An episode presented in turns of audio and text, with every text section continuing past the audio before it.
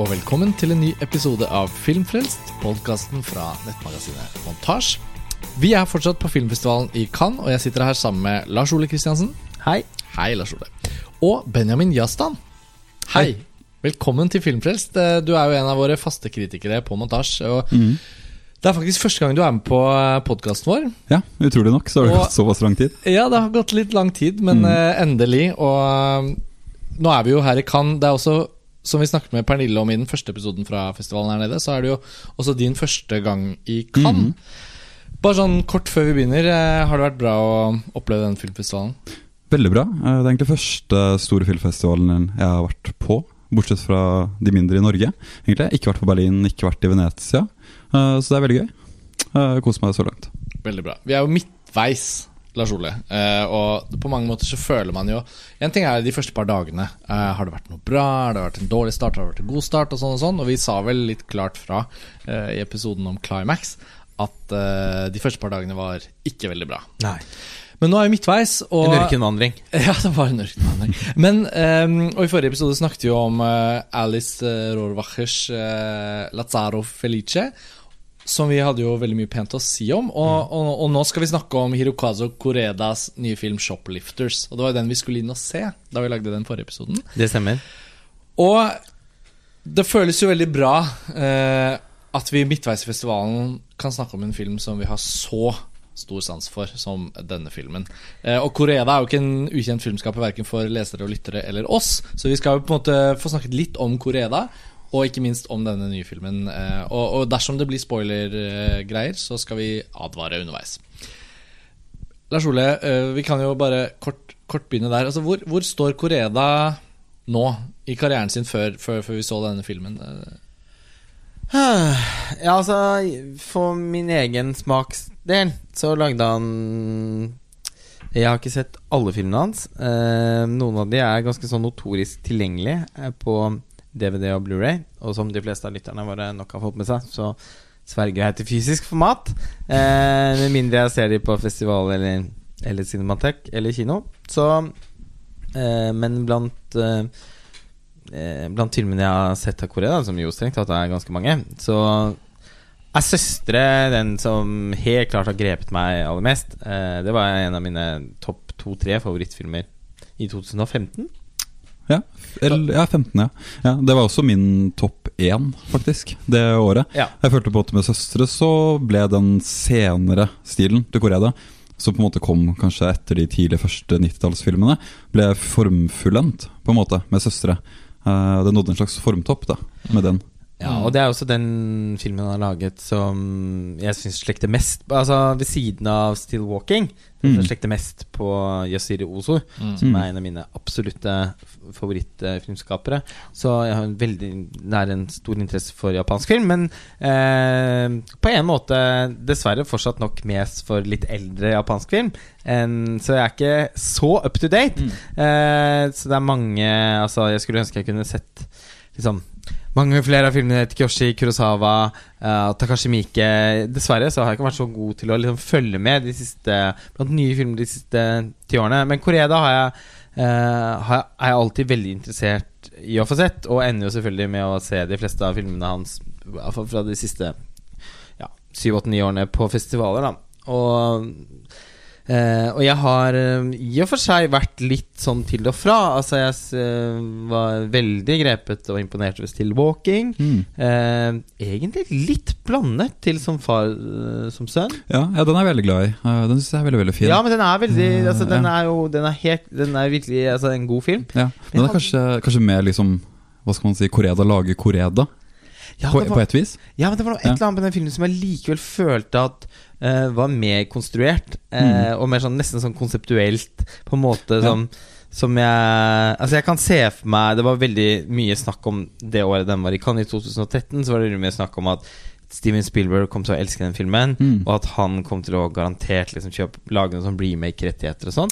Det, Ja. det ble vel også solgt remake-rettigheter? De ble solgt til Spielbergs Ja. selskap, det, som var jo sånn utrolig øyeblikk. Men han har fortsatt ikke gjort eh, noe med det. Nei, og det har vel nok falt til siden. Ja, men det er faktisk en, sånn når, eh, når den historien i Som far som sønn først skulle være såpass På en måte var fått til Korea å være blokkbokstavelig. Mm. Eh, den har mindre liksom, rom for tvil, føler jeg, Ja. enn mange av de beste filmene hans. Mm. Så, så kan jeg jo virkelig se for meg at Spielberg kunne lage en mer kraftfull versjon av den Korea. Det Det Det er er, liksom- sikkert kontroversielt for mange, men Jo. Jo, men det kan hende altså, Som sånn er kanskje den ene filmen av Korea hvor det ytre narrativet blir veldig påtrengende. Ja, altså Uten at det for min del ødelegger. Eh, men den har en ytre handlingsstruktur og fortellerstruktur definitivt. som er mye sterkere tilstedeværende enn f.eks. Søstre, da, som du sier. Som er på en måte mer sirklet innom små livsrytmer og enkelte Ja. hverdagshendelser og mye mer partikulær. Ja, det er jo et en syklisk fortelling med eh, Hvor egentlig bare Altså blikkvekslinger og Mm. måter å reagere på eh, hverandres sinnsstemninger på. Eh, Mm. sånn, den er så sinnssykt sånn Åh, den er så Jeg er så imponert over hvor mm. fint justert den filmen er. Ja. I forhold til de menneskelige relasjonene den forsøker å skildre. Eh, knakk Altså, virke altså, Jeg husker også da jeg så den i Cannes, sent på festivalen, på sånn reprisevisning, Ja.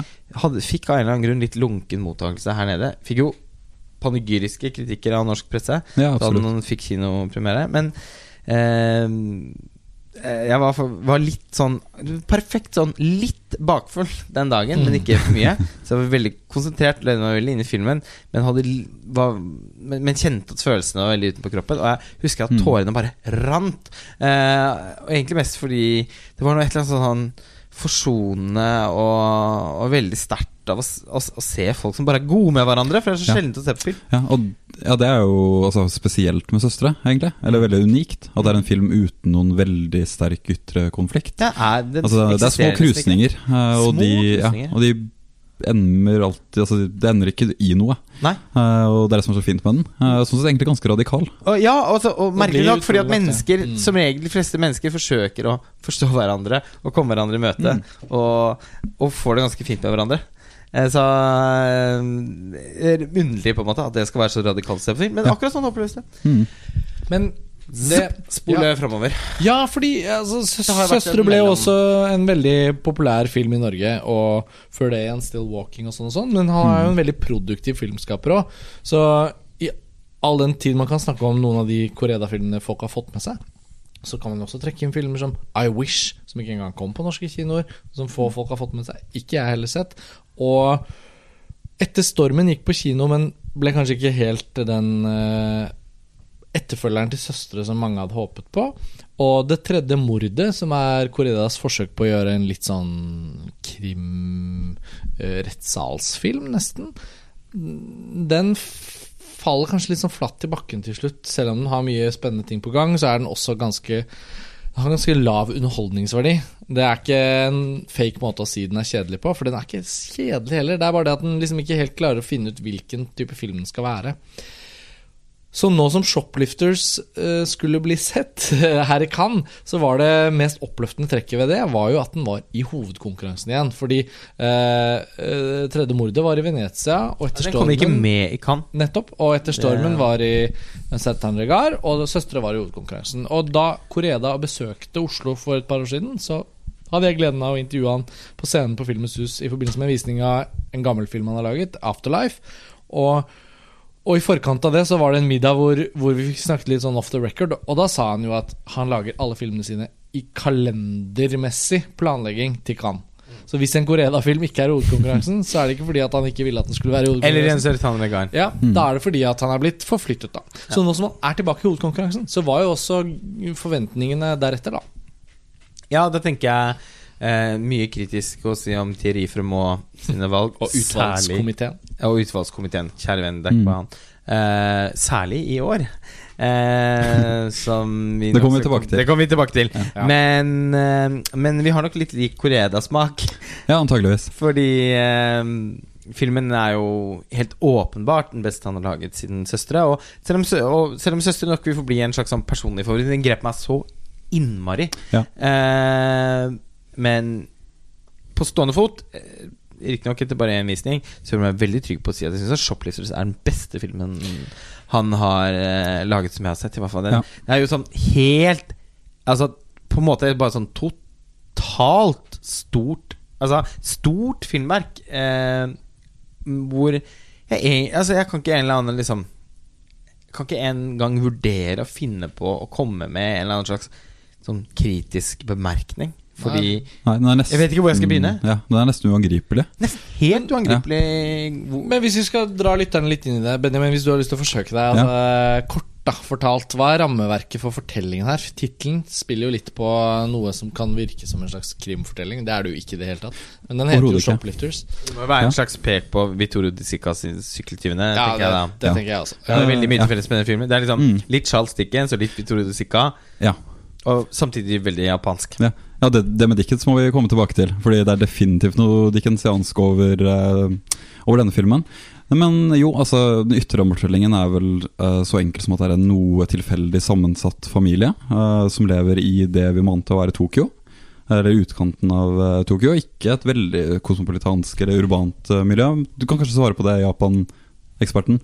Nei, men jeg, jeg, det er jo ikke så Altså, Tokyo er jo ikke på en måte sånn Byen er så enorm i utstrekning, så det er jo ikke sånn at Det er jo ikke som å liksom Når en film er i New York, så er det liksom Ja, det er New York. Det er ikke helt på den samme måten. Mm. Så er litt, men ja, jeg syns jeg, jeg Jeg kan ikke skjønne helt at den ikke er der. Jeg mener også Altså, jeg så også bestemt i et bilde Tokyo Tower langt i bakgrunnen. Så Ja. Men uh, litt sånn utenfor. Litt I Tokyos umiddelbare nærhet. ja, men litt sånn vanskelig å vurdere om det er liksom i utkanten av Ueno eller Ikebukuro eller så, noen av de sånn Fordi det er åpenbart også et litt sånn, sånn, sånn, sånn Mm. Det er ikke helt uh, Men det er veldig Nei, spesifikt i filmen at de ikke snakker om stedsnavn. Så sånn sett så Ja, prøver det var nok er et ja. poeng at den ikke Ja. Og det er et interessant, det er et interessant moment, det også. Jo, men det er jo da en familie som består av en bestemor, uh, av to barnebarn av henne. To, to kvinner. Eh, den enes mann eh, og et barn, altså en gutt. Eh, og så er det altså en yngre jente som de kommer over, hun er vel bare fire år, eh, som de finner på gaten ute. eh, som har på en måte havnet litt utenfor hjemme, foreldrene har kranglet. Det kommer veldig raskt for en dag at hun har kommet fra en vanskelig oppvekst, vanskelig bakgrunn, så de tar på en måte henne da med inn i den, i den familien, som klarer seg dag til dag på det som tittelen også henspiller på. Altså de stjeler småvarer fra butikker. Ja. Og ja, er Flere av medlemmene sist. jobber jo.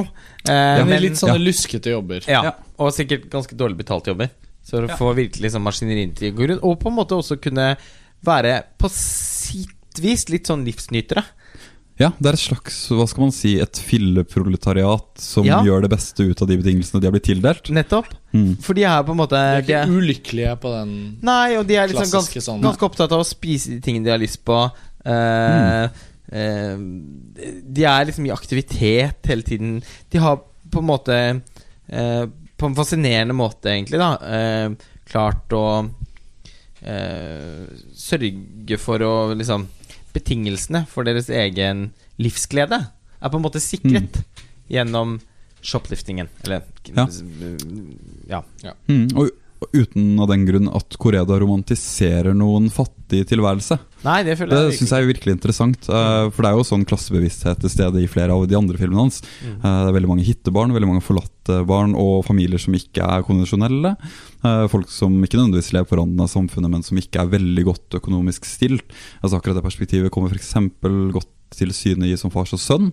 Eh, Men han går ikke veldig spesielt langt, føler jeg i alle fall, i den her, i å romantisere da, denne tilværelsen.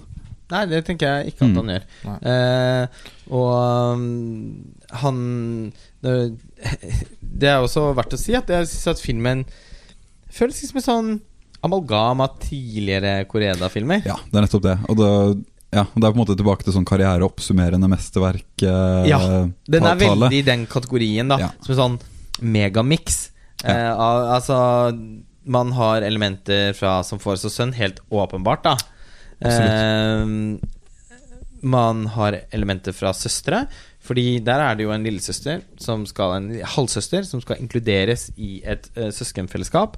Og som man kanskje får inntrykk av at ikke helt har opplevd å bli elsket tidligere. Og som får oppleve eh, Ja, kompromissløs søskenkjærlighet. Ja. Eh, man har fellestrekk med eh, Altså eh, Nei, nå mistet jeg helt tråden. Nobody knows.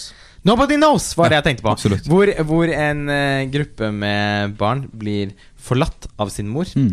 Uh, så det, det Altså Og på en liksom virkelig sånn mesterlig måte Mm. så, så føler man at Koreeda liksom spiller på de strengene han kan, Mm. men med liksom en eh, Med en evne til å sjonglere mellom toneleier, som jeg Ja. synes er enda mer imponerende enn i tidligere Ja, filmer. det er enig. Og det er interessant at du nevner den Nobody Knows. Fordi man kan vel egentlig si at etter en tre-fire filmer som har vært heller uspektakulære, Mm. uh, med henhold til sånn ytre struktur og ytre narrativ, uh, så bringer på en måte den nye filmen inn en slags tristesse, eller en kynisme. Eh, det er mye mørkere, egentlig. Bestemt. Ja. Altså, og, og mer den- tragisk. den Mer tragisk. Og som fra- griper den tilbake igjen til Nobody Knows, da. Ja, Som er en veldig vond film. Ja, for den er ganske fryktelig å Mm. se. Og jeg syns det er virkelig fascinerende, og jeg er bare så imponert over hvordan han får det til. Men eh, Shoplisters går fra å være en film som har alle de Altså, det er jo et særtrekk ved Koreda, føler jeg, da, at han lager filmer som er varme og empatiske, selv om eh, Altså, det kan være Det kan skje drama, altså, Dramatiske hendelser kan forekomme. Men også i de filmene så vil på en måte alle rollefigurene være forskånet fra en, eh, moralsk pekefinger eller en fordømmelse. Det vil alltid være et rom for uh, å gå dem i møte, forstå dem. Uh, det er en sånn Mm. slags grunnleggende holdning rundt at alle prøver så godt de kan. Uh, men det er ikke alltid så lett å lykkes. Mm. Og jeg føler virkelig i Shoplifters at den der empatien og varmen er så sterkt til stede, egentlig gjennom hele filmen. Ja. Men fordi at den er såpass Ikke tjukt smørt utover, fordi det er altfor subtilt og på en måte bare for ekte til det. Men ettersom den er så påtakelig, i hvert fall i den første halvdelen av filmen, så blir det eh, ordentlig vondt når man plutselig ser at eh, han tar opp knivsettet og begynner å på en ganske sånn iskaldt kirurgisk måte å snitte ut noen eh, Noen mønstre Ja. som eh, viser seg å avtegne noe Mm. som man ikke helt var forberedt på å se. Mm. Ja. Det er veldig sånn slow burn sånn sett. Ja, for I tidligere Korea-filmer så ville kanskje den potensielle konflikten Eller det som ligger under overflaten, ikke skjedd noe med. Altså Det ville kanskje bare ligget der. eh, og så hadde fått en eh, ja, altså en like dramaturgisk rolig utgang. Dette skjer jo ikke da i eh, Shoplifters, uten å røpe altfor mye der. Nei, jeg er enig. Og da du beskrev den som en sånn amalgana Koreda, så tenker jeg at øh, Hvis man har sett nok Koreda, så er man ikke så redd for den beskrivelsen. Men, øh, det må ikke misforstås som en sånn samleplate. Sånn Megadance, Jabba Dance, masse artister som kommer med hver sin hit. Jabba dance, ja! jeg mener, jeg, som for, det var kanskje litt humoristisk, men jeg mener bare at faren når man sier at det er sånn av best hits Det var kanskje litt uheldig ordvalg med det var megamix. Nei, men det var ikke uheldig ordvalg, men det, det gjorde at uh, jeg fikk, fikk, fikk nesen min borti et kompliment til denne filmen. Ja. Fordi i motsetning til den typen samleplater på 90-tallet som var veldig populære, for å samle alle hits så du slapp å bruke pengene på en singel av gangen, så kunne du kjøpe ett sånt Absolute Music eller hva som helst. Hadde mange av de. Så føler jeg at du har rett i Synes jeg, og det er ganske treffende At denne filmen rommer liksom sånn noen sånne highlights fra det Koreda har fått til i forskjellige typer filmer. Men det som er så deilig å se med Shoplifters, er at han på en litt sånn Hva er ordet? Altså, sånn, han, han, han, har, han har ikke laget en film nå som, som prøver å please den, den populære mottagelsen av Koredas forskjellige bra filmer. Det føles mer som at han er ute etter å si at mange ting jeg har søkt etter i de forskjellige filmene, Ja, har jeg litt nesten sånn Mm. underbevisst klart å destillere én og samme historie. At mange av de temaene han har vært opptatt av, har klart å liksom samles på ett sted, uten at det føles som en sånn greatest hits. Eh, for det er jo ikke de kuleste albumene å høre på fra favorittartistene. Det er, det, er, det er ikke sånn at du har lyst til å skippe til neste låt heller, men det er heller ikke den helhetskunstneriske følelsen fra et helt album. Men det må sies om Shoplifters. da Det er, det er et av de sånn følelsene at du, du får et av de beste albumene. Eh, det er kanskje mange gjenkjennelige trekk, men det er sånn Her Her kommer Koreda til sin rett. da Mm. Det, når du sier det med destillert eh, når det gjelder den filmen, gjelder den filmen her, eh, er at den er kanskje enda mer konsentrert om sånn intensjonsløse scener, på et vis. Eh, For altså Søstre er også veldig veldig hverdagslig og fokusert om enkle livsrytmer. Det er de små matlagingssekvensene som er fantastiske. i ikke minst matspising. Matspisingssekvensene, som nesten er en sånn eh, Druevinen, eller hva det er. Ja, ja, druevinsekvensen, eller nytt- nyttårsfeiringen. eller Ja, Men søstre har på en måte også de Umeshu. ja. ja. Umeshu. Ja, men søstre har på en måte også de ritualene, liksom hendelsene, som innstifter et kalenderår. Sorry, ja. Um, som den filmen her mangler uh, i et, altså, på en positiv måte for, for min del. Da. Altså, det er kun hverdag i godt over en time. Uh, og handlingene skal ikke munne ut i noe verken narrativt eller for karakterenes utvikling. Og det er noe veldig radikalt i akkurat det. Å bare observere en form i seg selv, Ja. uh, uten at det nødvendigvis skal gi noe tematisk uh, drakt. Ja, Når man er klar over hva som venter i den siste halvtimen av den filmen, som ikke vi skal beskrive Ja, her så blir det desto sterkere i og med Ja, at den første, Da blir man timen desto mer er imponert ja. over den første timen. Ja. Og sånt, Ja, for her tenker Ja. jeg vi kan si at vi ikke skal spoile noe. Fordi det er bare ikke ikke- aktuelt. Nei, Ja. la oss ikke spoile noe. Og dette er jo heller ikke stille før stormen. Nei, altså eh, Jeg er så slått i bakken Mm. av hvor imponert Mm. jeg er eh, over hvordan han har klart å liksom føre den pendelen denne Ja. filmen er. Eh, det er ikke én situasjon i filmen nesten som ikke på en eller annen måte er litt gripende. Fordi Mm. han er så god på å, eh, å, å Med et slags sånn klarsyn! Ja. At menneskelige relasjoner, og i det hele tatt alt vi foretar oss, er sammensatt og vanskelig. Og det fins nesten aldri noen enkle forklaringer eller noen enkle løsninger på noen ting. Ikke dypest sett.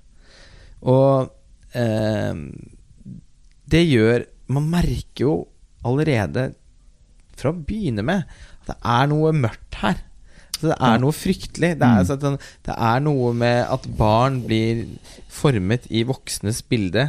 Mm. Eh, at eh, man At overlev, rene overlevelsesmekanismer, altså nesten Mm. sånn primale instinkter, tikker Mm. inn og, og, kom, og legg, Altså kommer i veien for en moralsk vurdering.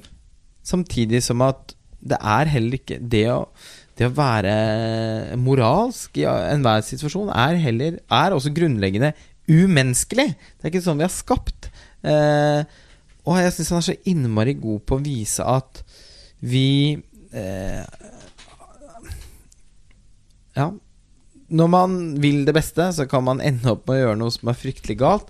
Eh, men så er det ikke så kategorisk at det var ment godt, og det ble ondt heller. Det er noe et eller annet imellom der som, eh, som jeg syns han er så vilt god på Ja. å eh, skildre i den filmen med en på en så uanstrengt måte. Den Ja. føltes jo nesten ikke liksom instruert engang. Det var som om den bare levde foran kamera. Ja, abs absolutt.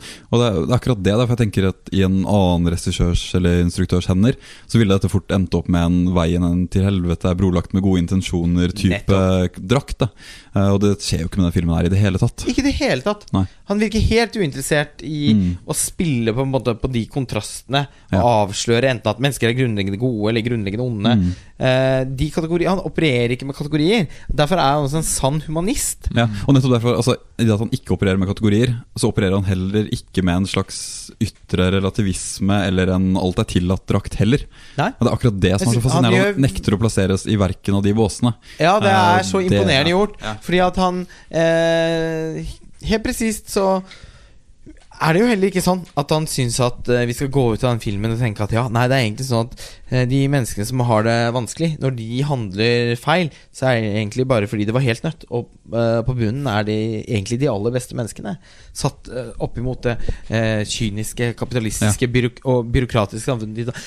Han, han, han, han, han leker ikke med de tøysebildene i det hele tatt. Han Og selv filmskapere som får til det bra, da, da den Ken Loach på sitt beste, Mm.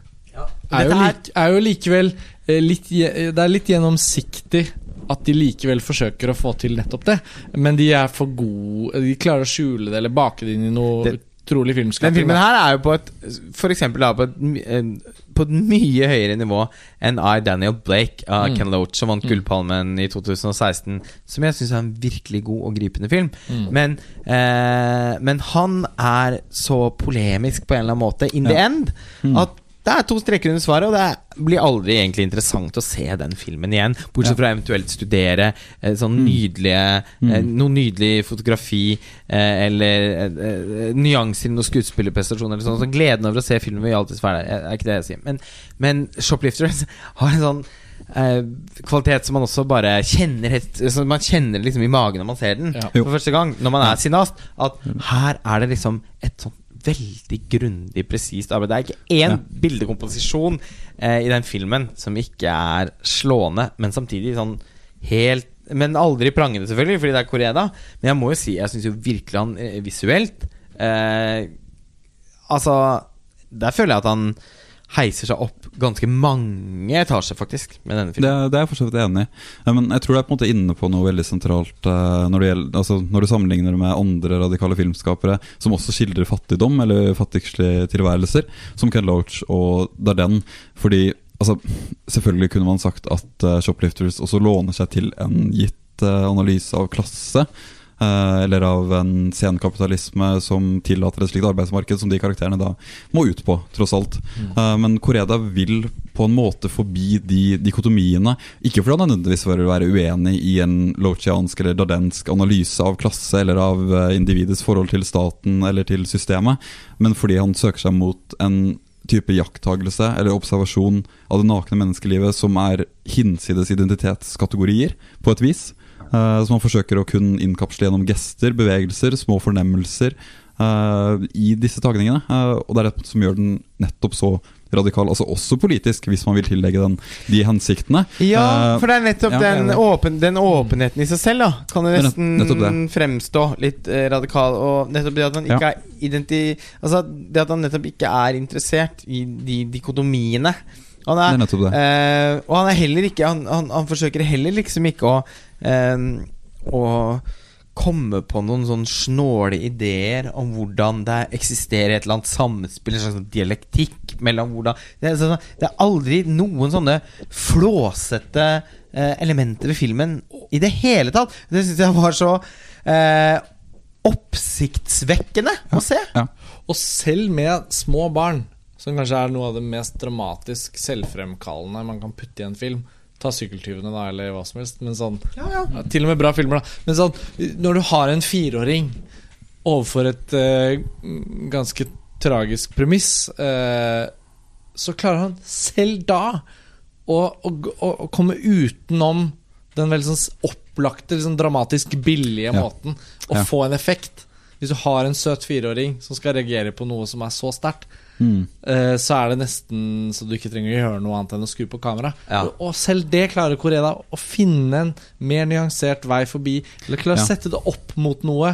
Klippet til nærbildet av fireåringen blir ikke satt opp mot det som skal forsterke det, men heller noe som drar det litt ned og gjør det mer eh, troverdig. Det er Ja. veldig imponerende. Ja, og akkurat den eh, Altså, vi skal bruke ordet dialektikk. Det er altså akkurat det spillet mellom de voksnes verden i Shoplifters og barnas verden i Shoplifters, som på sett og vis er den samme, som jeg også syns er et ganske fascinerende perspektiv. Altså, de, de driver med de samme aktivitetene. Det er eh, nesten helt lik. ikke sant? De driver med det, uten at det er noe nødvendigvis noe sånn pedagogisk opplæring eller eh, indoktrinering av hva Hele- barna skal drive med. Nei, men det, er så Ja. Hele filmen foregår i et sånn mellomrom. Nettopp, nettopp, nettopp. han Det er en barnlig glede, eller en barnlig samleglede, som ligger i noe av den småtjuvradsaktige livsførselen som de lever. Både barna og de voksne. Ja. Uh, og det, Det er den samme type det av begge. Samme type glede Som verken blir kategorisert eller plassert som noe infantilt. Eller som noe kriminelt tilhørende en eh, voksenverden eller en kriminell voksenverden. Og at det er noe som går hinsides også, hvis vi først er inne på identitetsnedbrytende spill i Shoplifters, så er det også mellom generasjoner, som også er veldig, veldig sterk. Og så er det på en måte Det er jo liksom, som jeg var inne på i stad, at det er jo ikke noe Det er ikke noe forsøk her på å si at det er eh, politiet og banken og byråkratiet som skaper kriminaliteten, og motsatt. Eh, han er ikke noe interessert i å gjøre en sånn slags sånn, sånn storpolitisk eh, blodprøve av eh, eh, situasjonen i dagens Japan. Den er, så, den er så vidunderlig fri for sånne Ja. typer påståelige eh, Og til, som også lett kan bli veldig sånn pretensiøse, postulerende elementer ved filmer som, som søker seg mot en sosialrealisme. Ja. Dette er for meg sosialrealisme så rent som det er mulig ja. for det. Ja, men Jeg er glad for at du sier at det er en sosialrealisme likevel. Ja. Uh, fordi det er jo, altså i mine Jeg vil insistere på det. At den Jo, er det en er jo, ekstremt radikal politisk film. Uh, nettopp fordi den nekter å forholde seg til de dikotomiene. Fordi de nødvendigvis, eller i mange tilfeller altså Selv i så gode filmer som 'To dager en natt' av Darden, eller 'I Daniel Blake' av Ken Loach, som også er liksom helt enestående filmer, ikke minst 'To dager en natt', som jeg setter veldig veldig høyt. Ja, det er helt fantastisk film Men den søker seg forbi de dikotomiene Darden-brødrenes beste film, kanskje. Absolutt beste film, det er jeg helt enig i. Uh, men fordi den ikke vil fastlåse seg i den defaitismen. Uh, fordi den vil forbi, da. Fordi til et annet sted. Sånn sett er den jo egentlig ganske utopisk, hvis man skal trekke Ja, det er- superlativene. og det- og gå veldig veldig langt. Men den Ja, filmen blir jo bedre synes, og bedre jo mer man snakker føler Jo mer vi snakker om den, også. jo mer den Ja. eh, vi, vi tenker på den, jo mer den liksom får satt seg i kroppen, så kjenner jeg virkelig at jeg syns dette er et storverk. Mm. Og eh, en skal, ja. helt åpenbar eh, gullpalme. Ikke kandidat, altså sånn Hvis vi snakker om fronter Jeg tenker at Hovedkonkurransen til nå har ikke hatt noen gullpalmekandidat før nå. det er jo dessverre på en måte da den første gullpalmekandidaten. Men jeg skal like å se at det kommer noen som kan måle seg også sånn rent Hvis vi tenker bare sånn strategi, da. Eh, Koreda mm, Vi kan være enige om, vi snakket om i den forrige episoden eh, av Filmfrelst fra Cannes, at eh, det er jo ikke nødvendigvis sånn at det å være det man i Oscarsammenheng kaller for overdue, som er en, veldig sentimental pris kontra uh, Cannes Eh, og som kan er jo ikke liksom en pris som er definert av venner og kjente, sånn som det er i Oscar-akademiet. sånn, Så det, noe, det har egentlig ikke noe å si i Cannes. Men jeg, jeg tror, og jeg syns man kan finne mange eksempler på det, at hvis det er litt sånn dødt løp mellom ting, så vil man gjerne velge å i stedet belønne den som har hatt en historikk kan, som har uh, vunnet hatt mange filmer i enten konkurranse eller sideprogrammer, som kanskje har vunnet flere priser til og med, men som aldri har fått Gullpalmen. Jeg følte f.eks. at det var det, noe av det som skjedde med uh, i, Altså i 2014, da 'Vintersøvn' til Nuri Bilge Ceylan vant hovedprisen. Uh, 'Mommy' var den absolutt um, både mest kritikerroste og mest sånn bøssete filmen i løpet av den festivalen. Men det var ganske tydelig, følte jeg, at juryen var mm, veldig kult. Du får, du får en pris. Men eh, for dem så var det sannsynligvis ganske døpt løp mellom de to filmene. Sikkert litt uenighet i juryen. Og da blir det litt sånn opplagt at ja, og da, det, da skal vi strengt tatt gi prisen til Nuri Bilge Jailand, som har vunnet pris for hver eneste film han Ja. har hatt med kan. Ja. Eh, og Koreda er litt Han eh, kan ikke eh, måle muskler med Nuri Bilge Jailands helt sånn spesielle rekord. Har aldri dratt hjem fra Cannes uten pris. Mm. Men han er en Cannes-veter- Han er for Cannes-veteran, regner jeg. Ja. Og han har laget det jeg tror de fleste kan på en måte sånn, si, nesten sånn objektivt være enig om at det er hans beste film. Ja, og sånn sett håper jeg også at juryen også ser hvor radikal, da, som vi har snakket om, og Ja. formfullendt Ja. Shoplifters er. Uh, og selv om den filmen til Nuri Bilge som også er i konkurransen, som jeg også har sett i dag, Som jeg eh, uh, og er har helt eh, overveldet av. Jeg syns også det er en helt fantastisk film. Det kommer vi sikkert kjapt tilbake til. Ja, vi, vi kommer i hvert fall tilbake til det på montasje, om ikke på podkasten. Så skal vi komme tilbake til det. det. Den heter The Wild Pear, Pear Tree, og Yes. Benjamin og jeg har sett den, og syns begge den er veldig bra. Mm. Mm. Så det er jo på en måte ikke uten konkurranse at, at, at Korea skal gå den Og- Gå og så- opp eh, teppet for den Og, nå eh, kommer, og så kommer Spike Lee. og Men, men jeg har faktisk problemer med å se at det skal komme en film som is, eh, Altså Mange av mine favoritter i Cannes ofte er jo veldig sånn polariserende filmer. Mm. Dette er jo ikke det. Det er en film som kan samle Ja. en jury. Noe det faktisk minner meg litt om, er da vi satt ved dette bordet her i fjor Lars Ole, og snakket om The Square til Ruben Estelund. Da husker jeg vi, vi hadde Det var den første følelsen på festivalen til da hvor vi tenkte at dette kan faktisk være en gullpalmevinner. Altså her, her har vi en film Det var også første har- gullpalmekandidat. Ja, det var sånn Her har vi en film som har nok i seg til å ta hjem den palmen hvis ikke noe annet kommer og er mer. Eh, og det gjorde det jo ikke, og det ble Men, imot, Square. ja, men det er en stor forskjell likevel, fordi vi var også uh, Vi modererte umiddelbart med å si at Men så er det også sånn at vi er fra Skandinavia, vi Ja. tar den svenske Ja, det er. Square er superspesiell, den er dritlang. Eh, mange vi, Altså, det fin, altså, garantert folk som virkelig ikke vil like ja. den. Det føler jeg er helt motsatt her. Da. Det fins ikke en moderasjon. Det går ikke an å ikke setter pris på denne filmen. Og den handler ganske mye om Og, forholdet og den mellom foreldre, da Og det har vi ikke kommet- foreldre og barn. ja, Og det har vi på en måte faktisk nesten ikke kommet inn på. Men den er jo helt da Helt sånn sinnssykt gripende. Eh, knuse hjertet ditt. Eh, lenge Altså sånn Går langt mellom hver gang.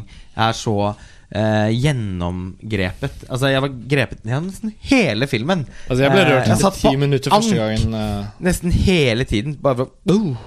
Åh, Jeg bare kjente hvordan filmen este i meg underveis. Og, eh, og den, de siste liksom, 20 minuttene var så Var så forferdelig sørgelige og vonde å forholde Ja. seg til. At Ja, og det er interessant ja. spyttet ut av kinosalen. Ja. Uh, og man kan egentlig si altså Hvis man ser litt tilbake på andre filmer av Koreda også, så har man jo f.eks. Still Walking, som var en sånn veldig minneverdig scene, hvor da bestemoren i familien går rundt og leter etter glitrende sommerfugler i, eh, i mørket om natten, som også er veldig veldig gripende i all sin enkelhet.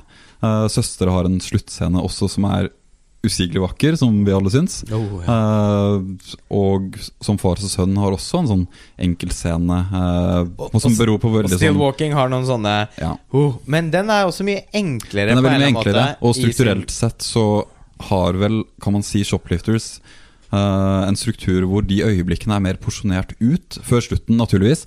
Eh, men noen av Koreadas andre filmer kan til en viss grad sies å være mer narrativt sett enklere. I Ja, og med at de har disse øyeblikkene av epifani, eller av innsikt, Absolutt. eller av omslag. det, eh, Mm. Altså at det, kommer mer inn en sånn derre eh, Noen stryker inn fra venstre. Eh, Ja. Det er enklere grep som skal igangsette følelsene våre. Mm. Og jeg ble jeg så vanvittig Altså, jeg, jeg syns det var helt magisk, rett og slett, Ja. hvor uanstrengt han klarte å liksom legge byggekloss på byggekloss her. Mm. Eh, man føler seg aldri manipulert, man føler seg aldri forled, forledet på noen som helst Nei. måte. Eh, eh, han har en åpen han, Altså Filmen er både veldig stringent, veldig formsikker, Mm. utrolig rytmisk eh, eh, gjennomarbeidet, samtidig som man opplever at hver eneste bilde Eh, nær sagt altså noen ganger nesten sånn, tablåer er veldig sånn åpne. Jeg føler man Ja. Det er mye å liksom lese og se, legge merke til.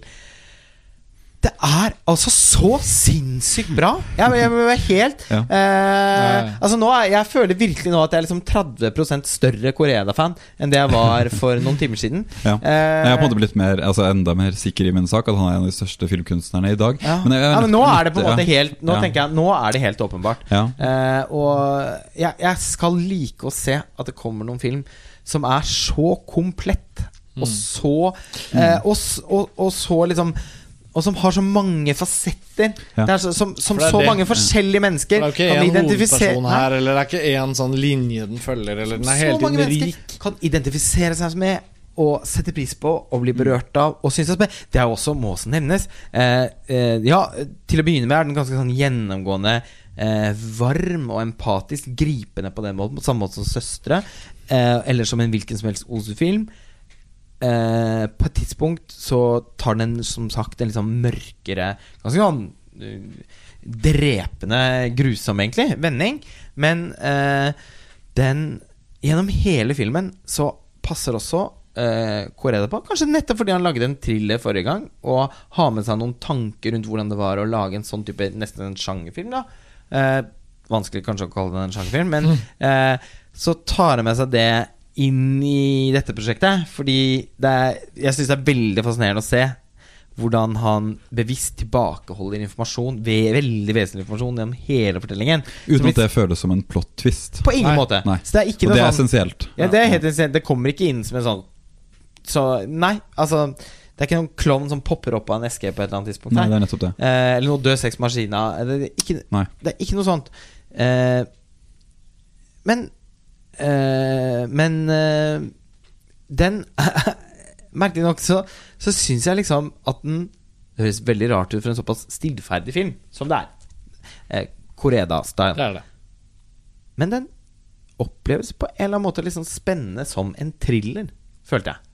At liksom eh, Etter hvert som man begynner å bli veldig interessert i hva slags bakgrunn alle rollefigurene har, hvordan er det liksom Hva, Hvordan hva er dette sydd sammen? Ja, hvordan er dette sydd sammen? Hva, hva består egentlig denne eh, fam, slags familiekonstellasjonen av? Hvor kommer de fra? Eh, det er jo Man blir jo fryktelig nysgjerrig.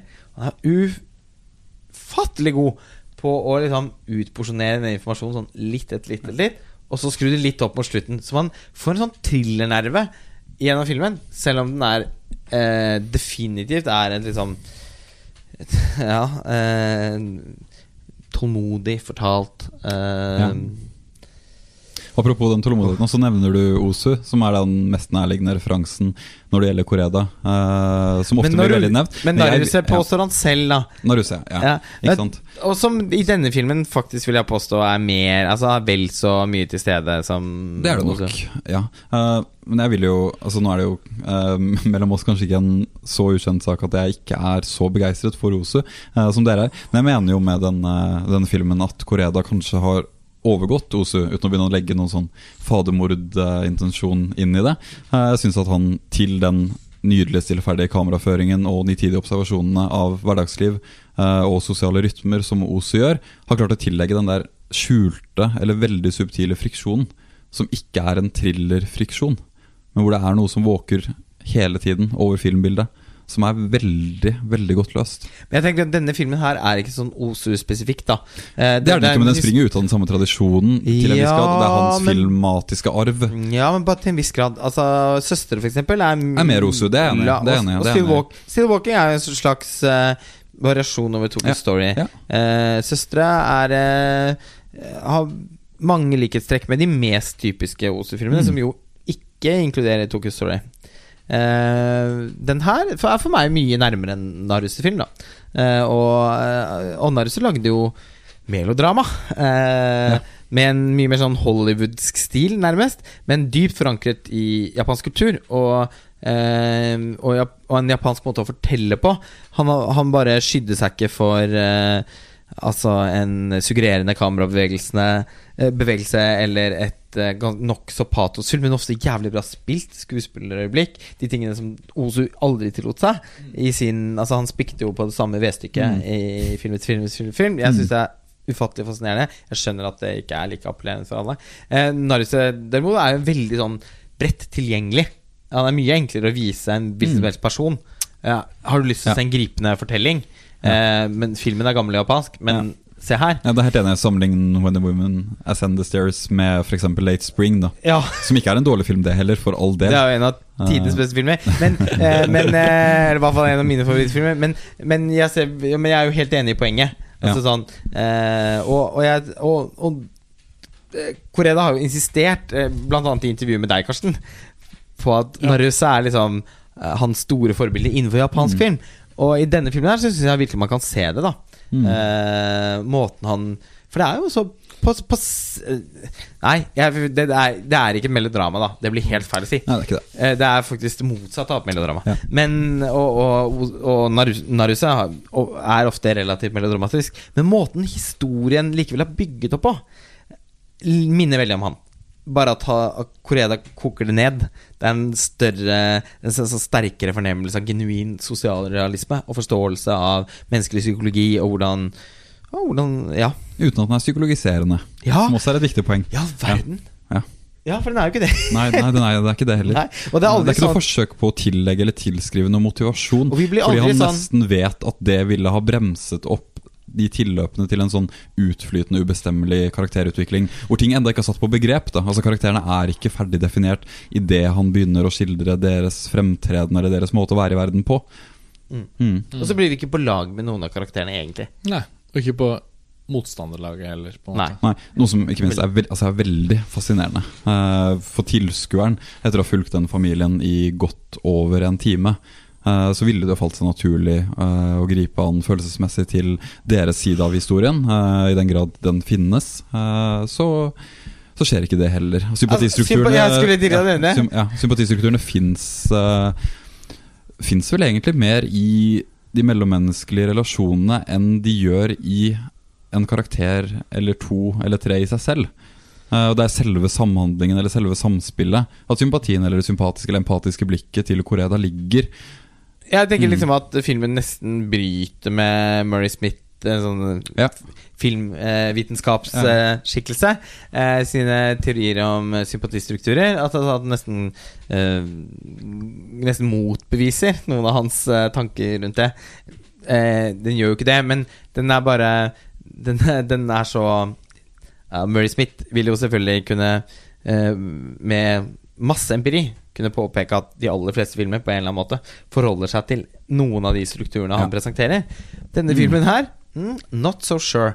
Uh, den uh, på en Som en sånn ål i vannet. Sånn blum, Så liksom snor den seg forbi enhver sånn type uh, Ja, vi snakket om altså, Det er liksom ikke noe sånn dikotomier. Det er liksom ikke noe Og i en i en verden eh, som liksom framstår mer og mer polarisert. Det er mer og mer sånn eh, Er du på det laget, eller er du på det laget? Eh, sterke meninger, sterke følelser, men ikke, uten egentlig argumentasjon. Det er noe et annet Det er, er mer dyptliggende årsaker også, tenker jeg, til at vi reagerer så sterkt på denne filmen. At det føles så rensende å se den. Ja, jeg tror kanskje Altså Følelser som oppstår i Altså både i tilskueren, også i blikket på karakterene, også i karakterene selv, da, i Shoplifters, er ikke nødvendigvis noe som springer ut av en individualisert eh, affekt, eller altså ut av noe direkte indre. Altså Det er ikke noen fenomenologiske eller subjektive skildringer av følelse eller fornemmelse i eh, Shoplifters. At den likevel da klarer å være så gripende, eh, er jo smått utrolig, kunne man nesten si. Ja, det er- At det sosiale eller det affektive ligger nesten nedfelt som en sånn sosialt kraftfelt, uten at man liksom trenger å gripe det som mystiske termer. Eh, men ja, det er noe som våker i, i rommet hele tiden, som er, som er veldig spesielt. Det den gjør på. Det, det er jo noe eh, man kan si at litteratur har gjort veldig lenge, f.eks. Uh, uten at man den, den grunn trenger å si at filmen kommer liksom haltende etter. Men, uh, men dette er ikke noe som skjer veldig ofte på film, uansett om det er den hegemoniske Hollywood-filmen eller om det er den eksperimentelle kunstfilmen. Mm. Dette er ganske sjelden uh, kost i et uh, filmatisk verk. Og nå snakket vi jo pent om uh, Gaspar Noés climax i den første episoden her nede fra. Men jeg tror det er vel ikke noen tvil, eh, siden vi så den tidligere i dag, at, om at uh, Koredas film uh, føles som et høydepunkt uh, til nå på festivalen. Avslutningsvis så føler jeg også at det er verdt å trekke fram at den er Den er gripende på en måte som lettest lar seg sammenligne med de mer sånn litt sånn vondtragiske fortellingene. Altså om det er fra litteratur eller fra film, så føler jeg liksom at måten den er gripende på, er veldig sånn En ting er om man gråter liksom under kinoopplevelsen, det tror jeg man kan gjøre. For meg var denne filmen mer sånn at jeg følte med en gang at måten den grep meg på, er sånn som kommer til å vare.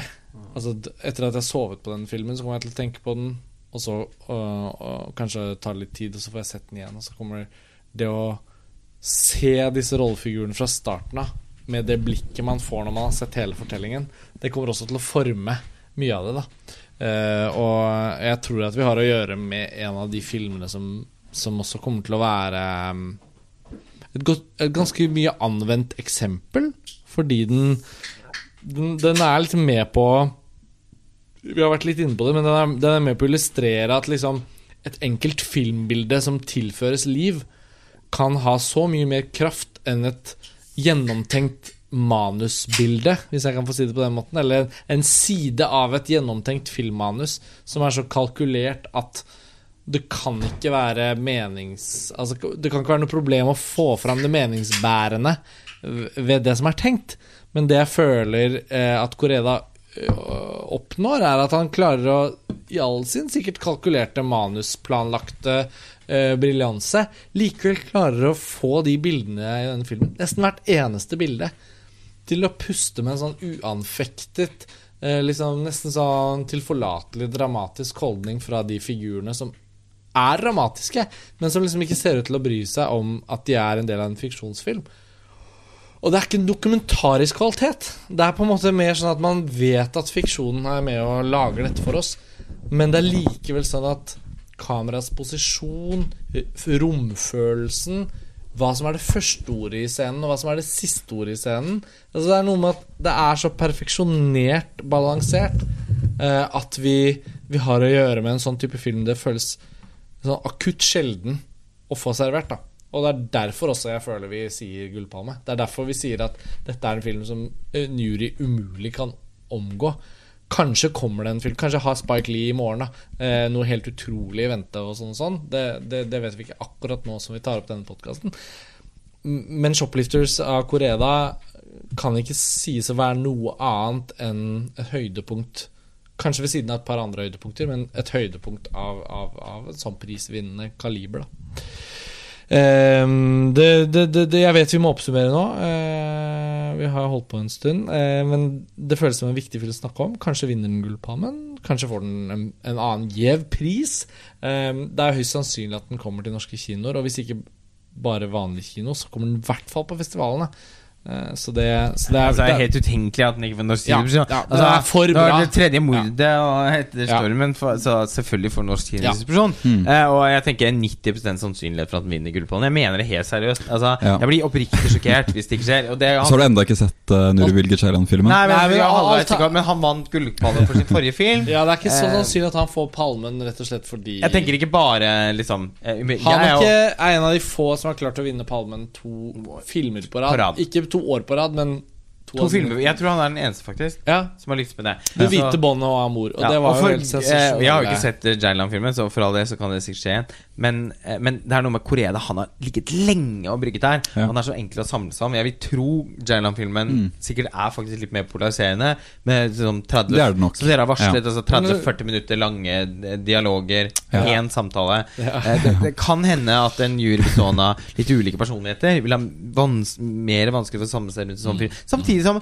trenden kan er selvfølgelig heller ikke, bortsett fra sånne eh, på en måte bunnår prismessig, da, som eh, Jall ære er Daniel Blake eller eh, Deepan. Eh, hvor, hvor det er helt åpenbart at det er kompromisser som har vært involvert. Eh, men ofte så er det sånn at, eh, at eh, gullpalmevinnerne er veldig Altså De har ordentlige muskler, at det er filmer som stikker seg veldig ut. Sånne lynnedslagsfilmer.